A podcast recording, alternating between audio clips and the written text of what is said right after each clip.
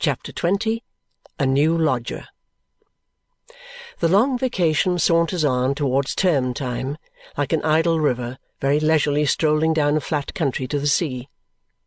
Mr. Guppy saunters along with it congenially. He has blunted the blade of his penknife and broken the point off by sticking that instrument into his desk in every direction. Not that he bears the desk any ill will, but he must do something, and it must be something of an unexciting nature, which will lay neither his physical nor his intellectual energies under too heavy contribution. He finds that nothing agrees with him so well as to make little gyrations on one leg of his stool and stab his desk and gape. Kenge and Carboy are out of town, and the articled clerk has taken out a shooting licence and gone down to his father's, and Mr. Guppy's two fellow stipendiaries are away on leave. Mr. Guppy and Mr. Richard Carstone divide the dignity of the office, but Mr. Carstone is for the time being established in Kenge's room, whereat Mr. Guppy chafes so exceedingly that he, with biting sarcasm, informs his mother, in the confidential moments when he sups with her off a lobster and lettuce in the Old Street Road, that he is afraid the office is hardly good enough for swells and that if he had known there was a swell coming, he would have got it painted. Mr. Guppy suspects everybody who enters on the occupation of a stool in Kenge and Carboy's office of entertaining, as a matter of course, sinister designs upon him he is clear that every such person wants to depose him. If he be ever asked how, why, when, or wherefore, he shuts up one eye and shakes his head. On the strength of these profound views, he in the most ingenious manner takes infinite pains to counterplot when there is no plot and plays the deepest games of chess without any adversary. It is a source of much gratification to Mr. Guppy, therefore, to find the new-comer constantly poring over the papers in Jarndyce and Jarndyce, for he well knows that nothing but confusion and failure can come of that. His satisfaction communicates itself to a third saunterer through the long vacation in Kenge and Carboy's office, to wit, young Smallweed. Whether young Smallweed, metaphorically called Small, and eke Chickweed, as it were jocularly to express a fledgling, was ever a boy is much doubted in Lincoln's Inn. He is now something under fifteen and an old limb of the law. He is facetiously understood to entertain a passion for a lady at a cigar shop in the neighbourhood of Chancery Lane, and for her sake to have broken off a contract with another lady to whom he had been engaged some years. He is a town-made article, of small stature and weazen features, but may be perceived from a considerable distance by means of his very tall hat. To become a Guppy is the object of his ambition. He dresses at that gentleman by whom he is patronized, talks at him, walks at him, founds himself entirely on him. He is honoured with Mr. Guppy's particular confidence and occasionally advises him from the deep wells of his experience on difficult points in private life. Mr. Guppy has been lolling out of window all the morning after trying all the stools in succession and finding none of them easy, and after several times putting his head into the iron safe with a notion of cooling it. Mr. Smallweed has been twice dispatched for effervescent drinks and has twice mixed them in the two official tumblers and stirred them up with the ruler. Mr. Guppy propounds for Mr. Smallweed's consideration the paradox that the more you drink, the thirstier you are, and reclines his head upon the window-sill in a state of hopeless languor. While thus looking out into the shade of Old Square, Lincoln's Inn, surveying the intolerable bricks and mortar, Mr. Guppy becomes conscious of a manly whisker emerging from the cloistered walk below and turning itself up in the direction of his face. At the same time, a low whistle is wafted through the inn, and a suppressed voice cries, "Hip! Guppy!" "Why, you don't mean it!" says Mr. Guppy, aroused. "Small, here's Jobling!" Small's head looks out of window too and nods to Jobling. "Where have you sprung up from?" inquires Mr. Guppy. "From the market gardens down by Deptford. I can't stand it any longer. I must enlist. I say, I wish you'd lend me half a crown. Upon my soul, I'm hungry." Jobling looks hungry and also has the appearance of having run to seed in the market gardens down by Deptford. "I say, just out half a crown if you've got one to spare. I want to get some dinner." will you come and dine with me? says Mr. Guppy, throwing out the coin, which Mr. Jobling catches neatly. How long should I have to hold out? says Jobling. Not half an hour. I'm only waiting here till the enemy goes, returns Mr. Guppy, butting inward with his head. What enemy? A new one. Going to be articled. Will you wait? Can you give a fellow anything to read in the meantime? says Mr. Jobling. Smallweed suggests the law list, but Mr. Jobling declares with much earnestness that he can't stand it. You shall have the paper, says Mr. Guppy. You shall bring it down. But you better not be seen about here. Sit on our staircase and read. It's a quiet place. Jobling nods intelligence and acquiescence. The sagacious Smallweed supplies him with the newspaper and occasionally drops his eye upon him from the landing as a precaution against his becoming disgusted with waiting and making an untimely departure. At last the enemy retreats, and then Smallweed fetches Mr. Jobling up.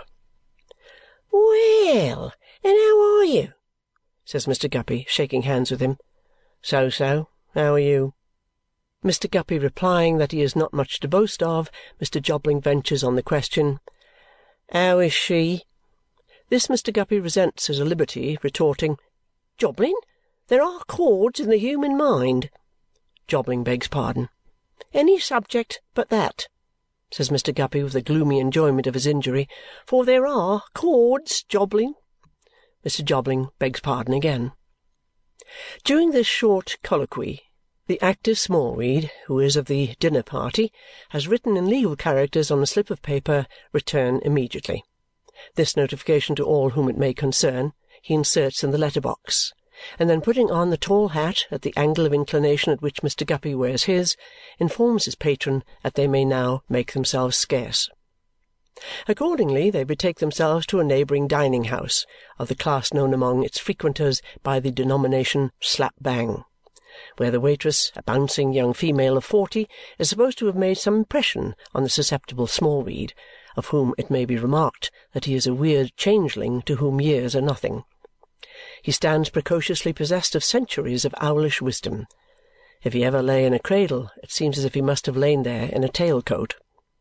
He has an old, old eye, has Smallweed, and he drinks and smokes in a monkeyish way, and his neck is stiff in his collar, and is never to be taken in, and he knows all about it, whatever it is.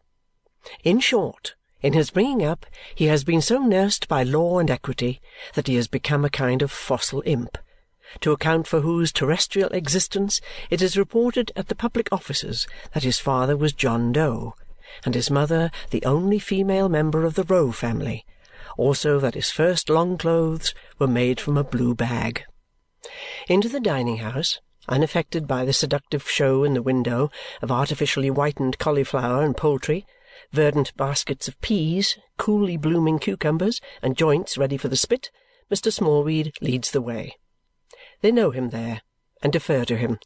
He has his favourite box, he bespeaks all the papers, he is down upon the bald patriarchs, who keep them more than ten minutes afterwards.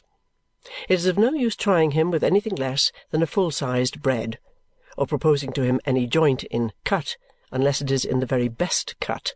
In the matter of gravy he is adamant. Conscious of his elfin power, and submitting to his dread experience, Mr. Guppy consults him in the choice of that day's banquet turning an appealing look towards him as the waitress repeats the catalogue of viands and saying, "What do you take, Chick?" Chick, out of the profundity of his artfulness, preferring "Veal and ham, French beans, and uh, don't you forget the stuffing, Polly," with an unearthly cock of his venerable eye, Mr. Guppy and Mr. Jobling give the like order. Three pint pots of half and half are superadded. Quickly the waitress returns, bearing what is apparently a model of the Tower of Babel, but what is really a pile of plates and flat tin dish-covers. Mr. Smallweed, approving of what is set before him, conveys intelligent benignity into his ancient eye and winks upon her. Then, amid a constant coming in and going out, and running about, and a clatter of crockery, and a rumbling up and down of the machine which brings the nice cuts from the kitchen, and a shrill crying for more nice cuts down the speaking pipe, and a shrill reckoning of the cost of nice cuts that have been disposed of, and a general flush and steam of hot joints, cut and uncut, and a considerably heated atmosphere in which the soiled knives and tablecloths seem to break out spontaneously into eruptions of grease and blotches of beer, the legal triumvirate appease their appetites.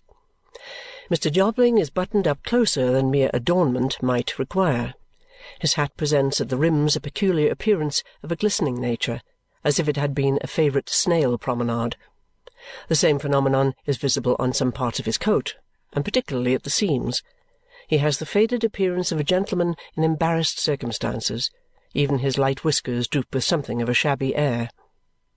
His appetite is so vigorous that it suggests spare living for some little time back. He makes such a speedy end of his plate of veal and ham bringing it to a close while his companions are yet midway in theirs, that Mr. Guppy proposes another. "Thank you, Guppy," says Mr. Jobling. "I really don't know but what I will take another." Another being brought, he falls to with great good will. Mr. Guppy takes silent notice of him at intervals until he is half-way through this second plate and stops to take an enjoying pull at his pint pot of half and half, also renewed, and stretches out his legs and rubs his hands. Beholding him in which glow of contentment, Mr. Guppy says, "You are a man again, Tony." "Well, not quite yet," says Mr. Jobling. "Say, just born." "Will you take any other vegetables? Grass, peas, summer cabbage?" "Thank you, Guppy," says Mr. Jobling. "I really don't know but what I will take summer cabbage. Order given, with the sarcastic addition from Mr. Smallweed of "Without slugs, Polly," and cabbage produced. "I'm growing up, Guppy," says Mr. Jobling, plying his knife and fork with a relishing steadiness. "Glad to hear it."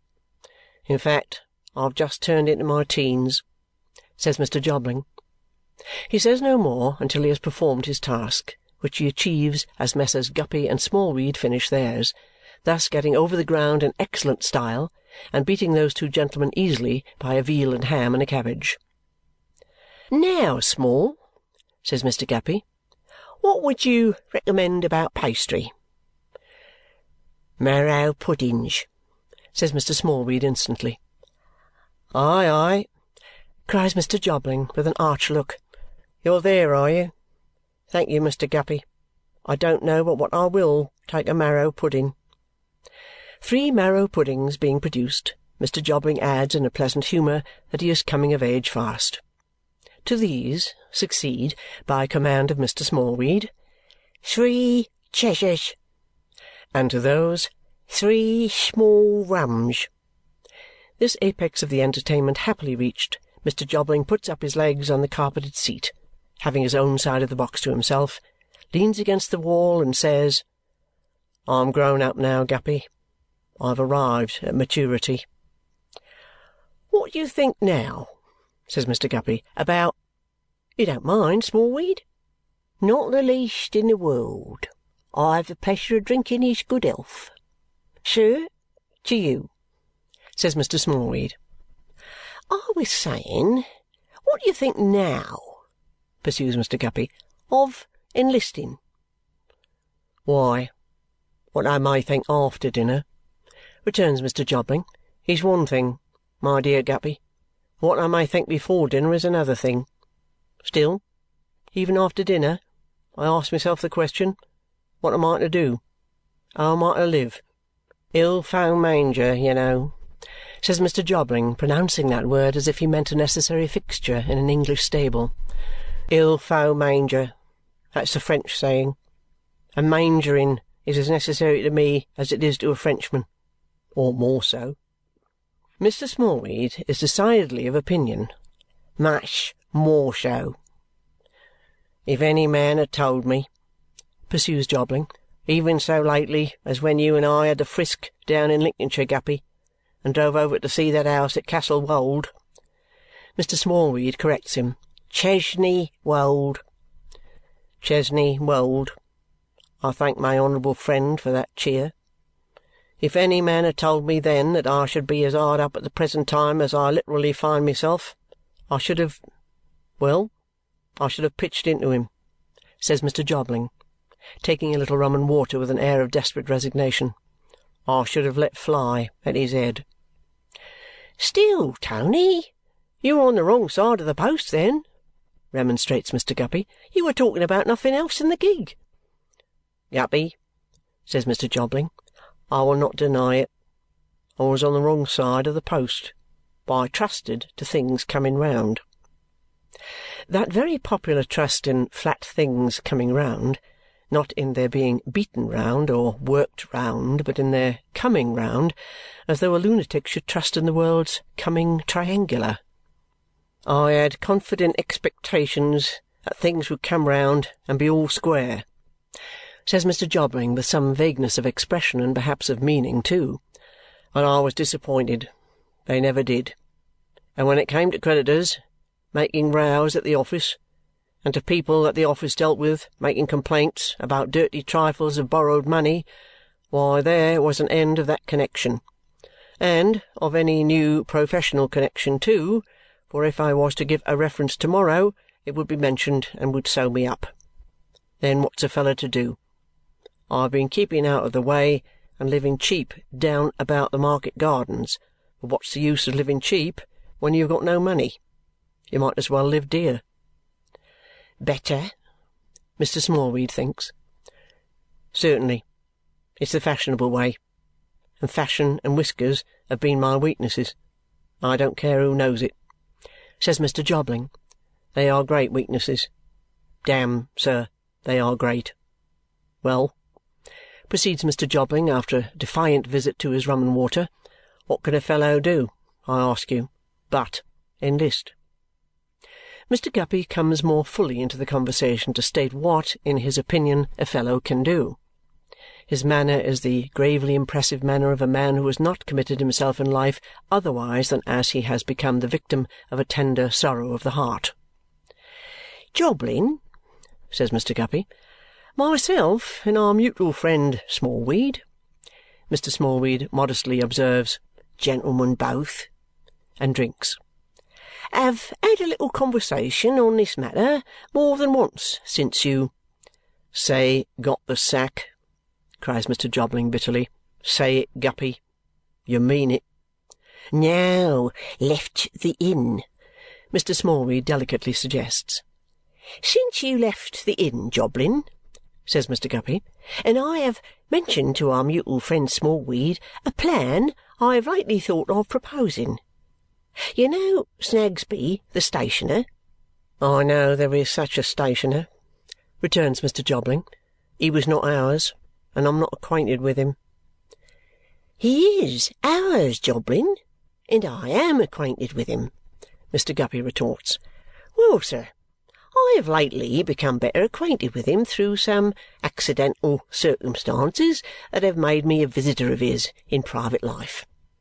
Those circumstances it is not necessary to offer in argument. They may, or they may not, have some reference to a subject which may, or may not, have cast its shadow on my existence.